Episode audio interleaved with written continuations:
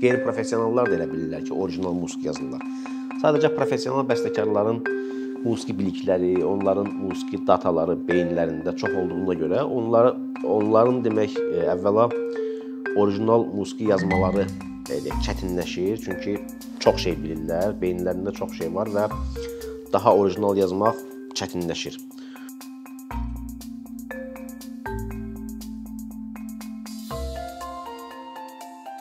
Müstəqillik dövrümüzdə əsas ictimai müzakirələrdən biri də bayağı mahnılar problemidir ki, zaman-zaman gündəmə gəlir. Televiziya verilişlərində, radioda, qəzetlərdə, indi isə sosial şəbəkələrdə bu mövzu bəzən demək hətta spekulyasiyalara qədər gedib çıxır. Müxtəlif cür buna demək təbirlər verirlər üzeyirdən üzeyirə filan, qara-qara evdən nə bilim kimə, Güya ki, əvvəllər sanki belə əvvəllər bir ideal bir e, cəmiyyət olub, hamı qara-qara evə qulaq asıb, indi indi heç kim qulaq asmır. E, əslində isə bayağı mahnılar həmişə olub. Sovet dövründə də var idi, çox idi, qulaq asılırdı. Sadəcə bu e, demək mətbuat az idi və dövlətin əlində idi, özü istədiyi şeyi göstərirdi, verirdi və ümumiyyətlə Sovet İttifaqı problem problemləri göstərməyə meylli deyildi deyə bu ictimai müzakirə olunmurdu. Amma yəni sadə zəhmətkeşlər həmişə öz maraqlarını tapıb qulaq asıblar. Xüsusilə də texnoloji inkişafdan sonra, xüsusilə kompakt kasetlərdən sonra hamı evdə, eşikdə, demək maşında həmin o bayağı mahnı toylarda məsələn qulaq asmağa hətta daha da çox qulaq asmağa başladılar. Bəlkə. Və indi isə demək bu müstəqillik dövründə bu artıq ictimai müzakirələr o ictimai şəkildə müzakirə olunmağa başladı. Və bu bir problem kimi göründü, mədəni problem kimi və mən də istəyərdim bu sual ətrafında biz fikirləşək ki, bu doğrudan problemdirmi, yoxsa deyilmi? Əgər problemdirsə, bunun həlli yolları varmı? 20-ci əsrdəki Avropa fəlsəfi cərəyanlarından biri lingvistik fəlsəfə iddia eləyir ki, biz e, problemlərin demək həlli yolları nan biri də o problemi ifadə edən sözlərdədir. O sözləri emmək lazımdır, o sözlərə girmək lazımdır, dalmaq lazımdır və hətta etimologiyasına qədər gedib çıxmaq lazımdır. Hətta bəzən deyirlər ki, o biz o sözün mənasını tapsaq problem demək olar həll olunmuş kimidir. Yəni mən çox kobud formada ifadə elədim bu lingvistik fəlsəfə tərəfini söhbətin. Bayağı sözünün demək etimologiyası, kökü bu türk sözdür. İlk dəfə Uyğur mətnlərində qeydə alınıbdı. Bayaqı şəklində və mənası bizim indiki bayaqçı sözün sözündən demək olar eynidir. Yəni bayaq, bayaqçı. Yəni artıq tanış olduğumuz, artıq bildiyimiz bir məna ifadə eləyir. Sonra e, yəni belə deyək, oxşar. Bundan başqa Türkiyədə bildiyimiz kimi bu bayağı sözünü yenə oxşar yeni bir məna qazanıbdı. Bu da bayaq sözdür ki, onlar bayağı yaz yazırlar, amma Türkiyədəki türkçənin orfeopiya qanunlarına görə ğı yazılsa da oxunmur. Özündən əvvəlki sait uzanır, ona görə onlar bayaq deyirlər. E, yəni çox, çoxluq mənasında. Yəni bu da oxşar mənadır, bir-birinə bənzər və çox. Beləliklə, yəni bayağı mahnılı o deməkdir ki, bundan çoxdur və bir-birinə bənzəyir. Bunların demək çox olmasının və bir-birinə bənzəməsinin əsas səbəbi budur ki, və mexanizmi belədir ki, bu adətən bir qayda olaraq demək olar ki, qeyri-professional musiqiçilər tərəfindən yazılır. Qeyri-professional bəstəkarlar tərəfindən yazılır. Və onlar da demək olar ki, ancaq eyni cür mahnıya qulaq asdıqlarından, o mahnıları ifa etdiklərindən, yəni belə bir yəni o mahnılarla əhatə olunduqlarından onlar çox kiçik bir yenilik tapan kimi bu onlara çox böyük orijinal bir ideya kimi görünür, orijinal musiqi ideyası kimi görünür və bunu insanlarla paylaşmaq istəyirlər. Fərqli sözlər məsələn adicə melodiyaya müxtəlif, yəni xırda bir dəyişikliklər eləyə bilər və bu onların gözündə Yəni yeni bir musiqi ideyası kimi görünür. Və e, bunlar bunu yazırlar, paylaşırlar, oxuyurlar və bu dinləyicisi də rahat tapılır. Çünki həmişə bütün cəmiyyətlərdə qeyri-professional musiqiçilərin sayı professional musiqiçilərdən az olub. Və musiqiçi olmayan insanlar da bunu demək istəyirəm ki, musiqiçi olmayan insanlara da çox rahatdır.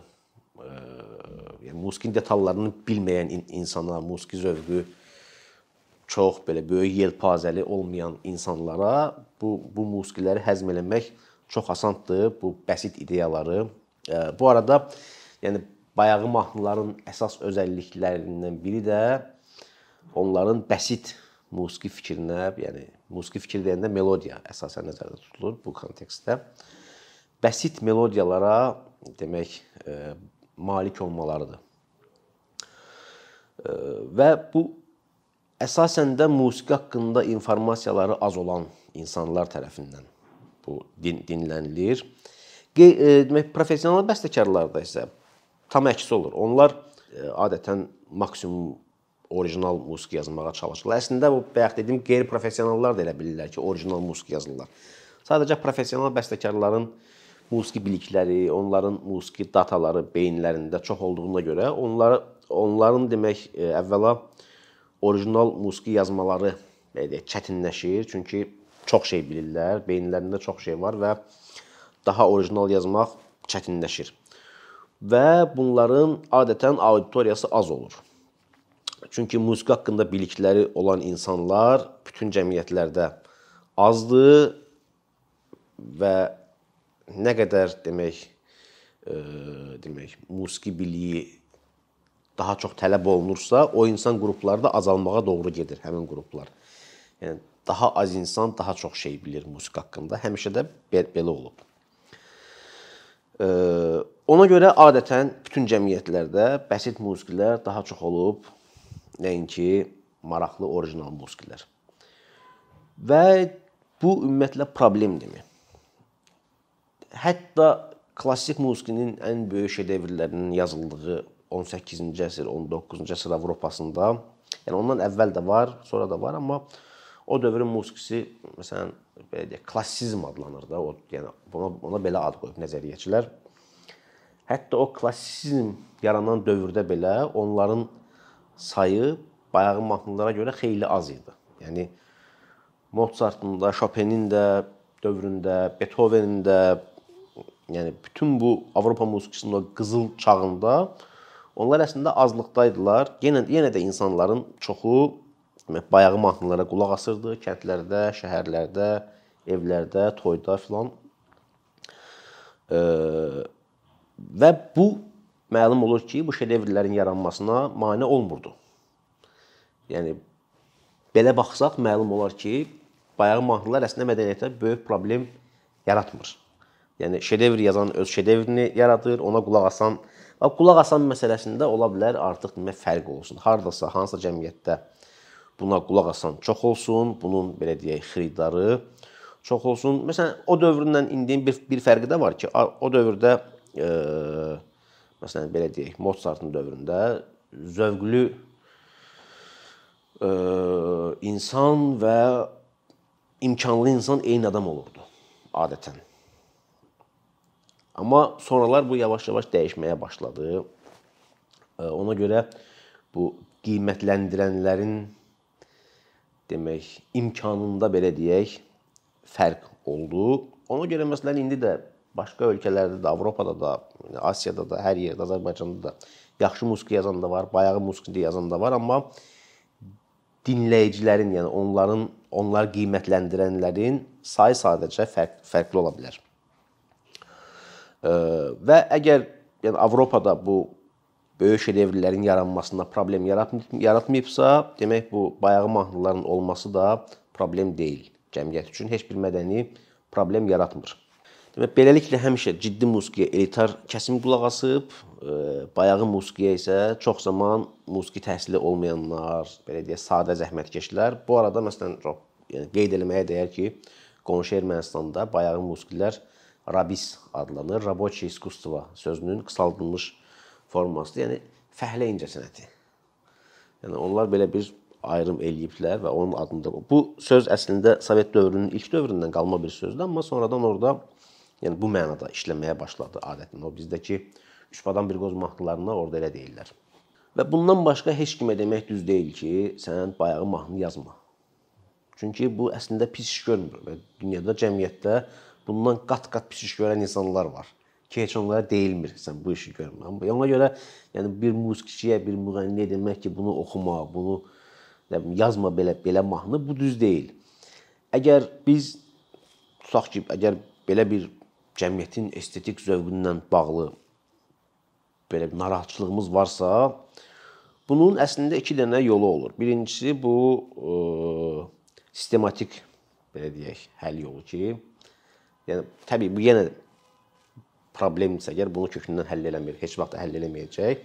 Amma belə deyək, zövqlü insanların sayının çoxaldılması məqsədindən belə bir narazılığımız varsa, bu əvvəla bu düşür dövlətin boynuna. Çünki sistematik təhsil əsasən onun belə deyək, monopoliyasındadır. Onun gücü var bu barədə ki, məsələn, orta məktəblərdə musiqi dərslərinin keyfiyyətini artıra bilər.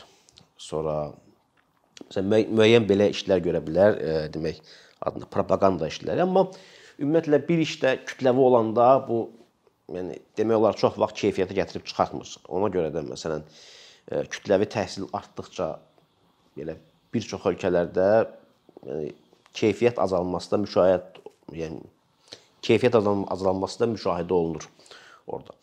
Bundan başqa, yəni hər kəs özü bunu özlüyündə eləyə bilər. Əgər bayağı mahnıları sevmirsənsə, qulaq asmırsansa və istəmirsənsə ətrafında qulaq assınlar, onlarla maarifləndirici iş aparmaq olar.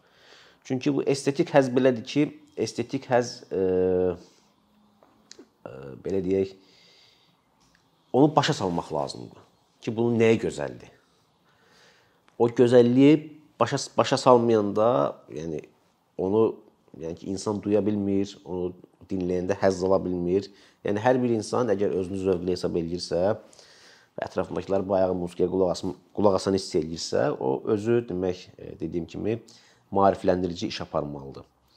Bundan başqa bir də e, bir məsələni də qeyd edim ki, çox vaxt demək, bayağı musiqilərdən gileylənən insanlar özləri ən son vaxtlara qədər bayağı musiqilərə qulaq asan insanlar olublar. Bu mənim şəxsi müşahidəmdir. Heç bir belə deyək, elmi əsaslandırmam yoxdur burada. Yəni sadəcə şəxsi müşahidələrimə əsasən deyirəm ki, Yəni bunlar özləri çox qulaq asıblar, amma indi başa düşüblər ki, sən demə indiyə qədər həyatlarının bu dövrünə qədər bayağı mahnılara qulaq asıblarmış və indi bir növ özləri özlərindən mübarizə aparırlarmış kimi olur.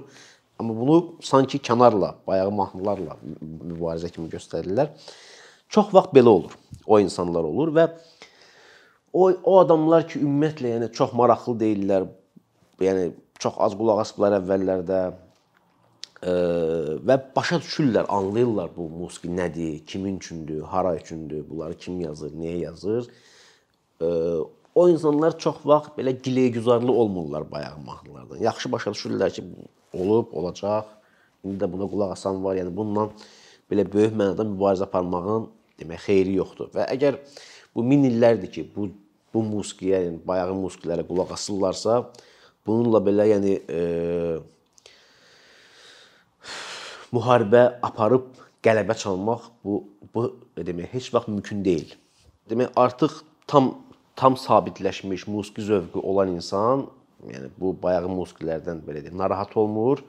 E, və xüsusilə indiki dövrdə yaxşı musiqi tapmaq da əvvəlki vaxtlar qədər çətin deyil. Yəni adicə yəni bizi demək olar ki, yaxşı musiqidən bir düymə ayırır YouTube-da və digər başqa musiqi demək paylaşım şəbəkələrində bayağı musiqilərin və onlardakı sözlərin adətən yəni böyük bir mənfi təsiri olmur əslində insanların belə deyək, mənəviyyatına. Yəni mənfi təsiri o, o ola bilər ki, bu təsirsiz olur. Yəni yəni ucaltmır da mənəvi baxımdan, amma həm də aşağı da eləmir. Belə böyük böyük təsir olmur. E, zaten oradakı sözlər, söhbət sözlərdən getsə, insanların öyrəşdiyi sözlər olur, hər gün işlətdikləri demək olar sözlər olur. Musiqi də onun kimi. Yəni əlbəttə musiqi ruhun qidasıdır, bu düzdür. Bunu deyənlər düz deyir. Musiqi insan ruhunu kamilləşdirir. Amma yəni bunu hamıya tətbiq etmək təəssüf ki, nə qədər mümkün olmayıbdır. Çətin ki, bundan sonra da elə bir yəni əlbəttə biz hamımız istəyirik ki, insanlar hamısı yaxşı musiqilərə qulaq assınlar. Yaxşı sözləri olan musiqilərə qulaq assınlar. Amma bu indiyə yəni şey e, təcrübə göstərir ki, bu alınmır, bu çətindir, amma hər halda zərərsizdir. Yəni ki, bunun belə bir böyük bir zərəri yoxdur. Bayaq dediyim kimi, bundan qat-qat zərərli e, işlər görən, bundan qat-qat zərərli ideyalar qəbul eləyən, yəni bayağı mahnılardan qat-qat zərər olan ideyalarla bəslənən insanlar mövcuddur hər bir cəmiyyətdə nə bilim ekstremist ədəbiyyat olsun məsəl üçün tutaq ki, bayaq başqa başqa ədəbiyyatlar. Əkinçinin yeni videoları haqqında məlumatlı olmaq üçün kanalımıza abunə olmağı və xəbərdarlıq funksiyasını aktivləşdirməyi unutmayın. Bununla bərabər gördüyümüz işlərin davamlı olmasını istəyirsinizsə, bizim patronların sırasına qoşulmağınızı rica edirik. Əkinçinin Patreon icmasının üzvü olaraq siz bizim təşəbbüsə dəstək göstərməklə bərabər hazırladığımız materialları hər kəsdən öncə izləmə imkanı əldə edəcəksiniz. İmkandan istifadə edərək cari patronlarımıza işlərimizi davam etməyə yardım olduqları üçün dərin təşəkkürümüzü bildiririk.